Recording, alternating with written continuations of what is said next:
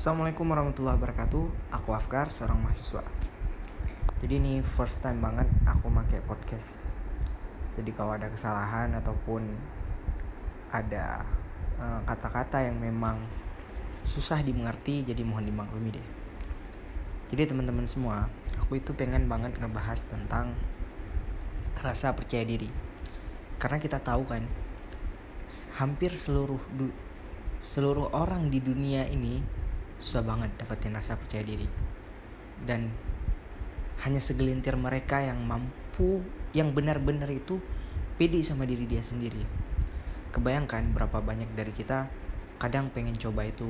Pasti terlintas di benak kita itu ah aku nggak mampu.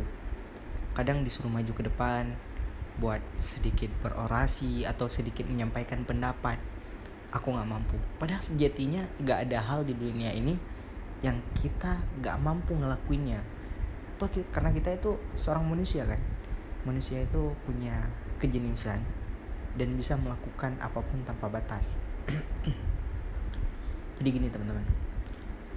Sebenarnya rasa percaya diri ini sudah dididik dari semenjak kita sekolah di TK dong kan ada tuh ketika kita dulu sekolah di TK kita sering disuruh sama guru-guru kita untuk maju ke depan untuk nyanyi untuk tertawa bareng untuk ataupun hanya sekedar nulis satu huruf A bagaimana cara nulisnya atau B atau cuma sekedar gambar pohon atau menggambar matahari. Nah ketika kita naik satu tingkat ke SD guru guru-guru juga ngedidik kita untuk ngelakuin hal yang sama. Artinya guru-guru ini berusaha membangun rasa percaya diri yang ada pada seorang murid. Jadi rasa percaya diri ini udah memang disisipi dalam uh, pendidikan kita sebenarnya. Cuman kadang kita aja yang nggak ngerasa. Tapi yang di SD terkadang kita kena hukuman, tapi kita maju ke depan gitu kan. Nah, di ketika kita maju ke depan rasanya orang bakal ngebully kita, nertawain kita. Jadi terkadang di situlah rasa percaya percaya percaya diri kita terkikis sedikit demi sedikit gitu. Naik ke tingkat uh, SMP oh ntar. Di SD sendiri paling banyak orang kehilangan rasa percaya dirinya. Karena kan di usia yang belia gitu di usia yang masih bocah-bocah amat lah gitu kan. Akalnya belum penuh. Kalau secara Islam ya belum balik gitu Nah, anak-anak di usia di umur segitu apalagi dia memiliki trauma secara psikis jadi itu dia itu susah banget timbulin rasa percaya dirinya. Contoh nih dulu dia pernah ngelanggar disuruh maju ke depan kelas sama guru untuk ngerjain sesuatu dan dia gagal lalu dia ditertawain sama teman-temannya. Dan ini akan menyebabkan beban mental gitu. Jadi ini akan selalu teringat rekaman memori ini akan selalu teringat gitu. Nah aku punya cerita dulu ketika aku masuk pesantren. Jadi bagaimana di dalam pesantren itu melatih seorang dalam mempunyai percaya diri. Jadi setiap malam minggu itu ada yang namanya muhadarah ya. Muhadarah itu semacam pidato. Jadi nanti setiap kelas dia dibuat panggung gitu. Dan seluruh santri bergiliran bisa sekelas ini ada 20 orang. Jadi setiap minggu itu ada empat minggu berikutnya empat empat sampai semuanya itu tampil untuk ngomong di depan. Itu udah masih dalam kapasitas kelas. Dalam artian kita hanya disaksikan barang 20 orang 30 orang gitu kan. Jadi kita ngomong di depan berorasi nyampain suatu hal nasihat itu jadi dalam pesantren dididik seperti itu sebenarnya. Dan ini cara membuat rasa percaya diri kita itu timbul. Nah ketika di pesantren itulah aku dulu dididik untuk melatih rasa percaya diri. Awalnya itu takut benar sampai gemeteran sampai rasanya pengen pipis sampai bermacam-macam deh. Ya bahkan ada beberapa teman yang berusaha menghindari itu semua tapi ala kulihal mereka tetap ngikut ya karena itu sesuai peraturan. Dan muhadarah itu uh, untuk nilai juga sih sebenarnya. Jadi satu persatu kita dilatih seperti itu setiap minggu. Bahkan ketika pertama-tama itu bahasa Indonesia kemudian bahasa Arab kemudian itu bahasa Inggris. Nah di sinilah kita belajar rasa percaya diri. Rasa percaya diri itu juga terbangun ketika ada suatu hal ketika kita mengutarakan pendapat kita berada di depan kita itu diterima gitu. Dan kita diapresiasi. Bayangin ketika kamu maju ke depan lalu kamu mendapat standing applause. Kamu mendapat suatu tepuk tangan kamu mendapat suatu sorakan kamu dapat pujian. Itu tanpa kita sadari kita mendapat rasa percaya diri. Nah sekarang pertanyaannya simpel banget sih sebenarnya. Pertanyaan simpel banget. Kitanya yang takut mencoba. Kitanya berani nggak sih kitanya berani nggak sih? Gak ada hal yang gak mampu ditaklukin sama semua orang. Semua orang bisa. Rasa percaya diri itu sebenarnya udah melekat dari dalam diri kita. Itu udah jadi fitrahnya kita. Tapi kenapa banyak orang yang gak pede? Kenapa banyak orang yang tidak mau? Dia pandai dia hebat tapi ketika dia disuruh maju ke depan ketika dia diunggulkan ketika dia dia nggak pede aja sama diri dia sendiri gitu. Nah orang-orang kayak gini kayaknya cocok bercermin. Gak maksud gue gini maksud aku gini. Jadi sering-sering bercermin. Lihat diri kamu dari ujung rambut sampai ujung kaki. Kamu itu perfect gitu. Kamu itu ciptaan Allah yang paling paling baik gitu. Kamu itu diterima di dunia ini kehadiran kamu itu kamu itu adalah pemenang ya. Kehadiran kamu itu ditunggu oleh khalayak umum. Gak ada orang di dunia ini yang gak ada kelebihannya pasti ada gitu. Jadi tetap enjoy aja sama diri kamu sekurang-kurang apa pun kamu. Kenapa kamu gak enjoy? Malah aku ngertiinnya kayak pengertiannya kalau orang nggak percaya diri dia sempurna artinya tanpa cacat ya. Tanpa cacat di tubuhnya misalnya itu kayak orang yang nggak bersyukur gitu. Bahkan banyak teman-teman kita yang dia mungkin terlahir dalam keadaan tangan satu kaki dua tapi kaki dua agak bengkok. Tapi mereka masih bisa menunjukkan karya-karyanya. Kenapa kita yang dalam keadaan sempurna kita masih ngeluh? Aku rasa nggak mampu gitu. Kita bisa semua orang itu bisa ngelakuin apa pun. Cuman sekarang bentuk pola pikirnya. Kita itu terlalu takut sama pikiran-pikiran kita. Pikiran-pikiran yang ada dalam kepala kita. Yang seolah-olah menggambarkan ketika aku melakukan itu aku nggak mampu sebenarnya mampu. Contoh ketika kita disuruh maju ke depan. Presentasi. Kerja kelompok nih aja misalnya. Presentasi. Malahan banyak yang nolak kan untuk mempresentasikan hasil itu kebanyakan orang udah aku ngerjain tugas aja masalah presentasi itu urusan kamu gitu. Padahal enggak. Semua ketika presentasi makanya sebagian guru nyuruh kita ini wajib presentasi semua itu wajib ngomong semua. Terkadang setelah kita mencoba ngomong lah ngomong itu lebih mudah daripada harus ngerjain tugas ini daripada harus ngerjain tugas ini. Ngejelasin ngebacot itu sebenarnya ya hal yang mudah sih sebenarnya tapi kita bicara tanda kutip ya PD yang ada dalam diri setiap orang itu bagaimana sih sebenarnya? Kadang orang itu ketika jalan sama temen-temennya yang ganteng dia agak kurang lah.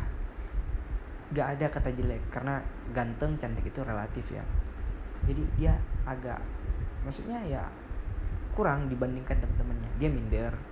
Seharusnya nggak perlu tunjukkan pada dunia itu inilah aku sebenarnya. Kalian cukup mempunyai itu. Di otak kalian itu cukup ada tulisan inilah aku. Aku adalah siapa misalnya? Aku adalah Afkar gitu. Ya aku adalah diriku sendiri. Dan inilah aku dengan segala kelebihan ataupun dengan segala kekuranganku. Jadi dunia menyambut kita sebenarnya. Jadi kalau teman-teman yang kurang percaya diri latih percaya diri itu. Ketika di kamar sekali bercermin lihat diri sendiri kalian itu sempurna percayalah kalian itu sempurna. Dan ketika ada yang gak percaya diri sama hal-hal kalian mungkin belum bisa ngomong di depan belum berani berteman dengan teman-teman seperti ini itu nggak jadi suatu problem. Kalau masalah berorasi kalian mau ceramah mau jadi dai kalian berceramah itu lebih ke bagian mental. Jadi bagaimana kalian melatih mental kalian? Latihan itu untuk berdiri di depan panggung ataupun berdiri di uh, depan khalayak umum untuk mengutarakan ide-ide atau kalian menyampaikan suatu pikiran kalian itu sederhana saja sebenarnya. Kalian cukup yakin ya. Cukup yakin ketika kalian menyampaikan. ya tapi dengan tanda kutip kalian jangan menyampaikan kesalahan itu saja. Sampaikan hal-hal yang diterima oleh masyarakat dan kalian bisa berdiri di depan umum menyampaikan ide-ide dan pikiran kalian. Itu sih. Aku masih ingat ketika ya lanjut ketika aku di pesantren aku cerita lagi. Uh, ketika itu aku di pesantren uh, sedikit demi sedikit melatih ya walaupun hanya di ruang lingkup kelas kita muhadarah itu jadi kita ngelatih ngelatih ngelatih terus pelan-pelan sampai bisa. Aku tuh sampai hobi banget ngomong di kamar mandi sendiri sambil jalan ngomong sendiri.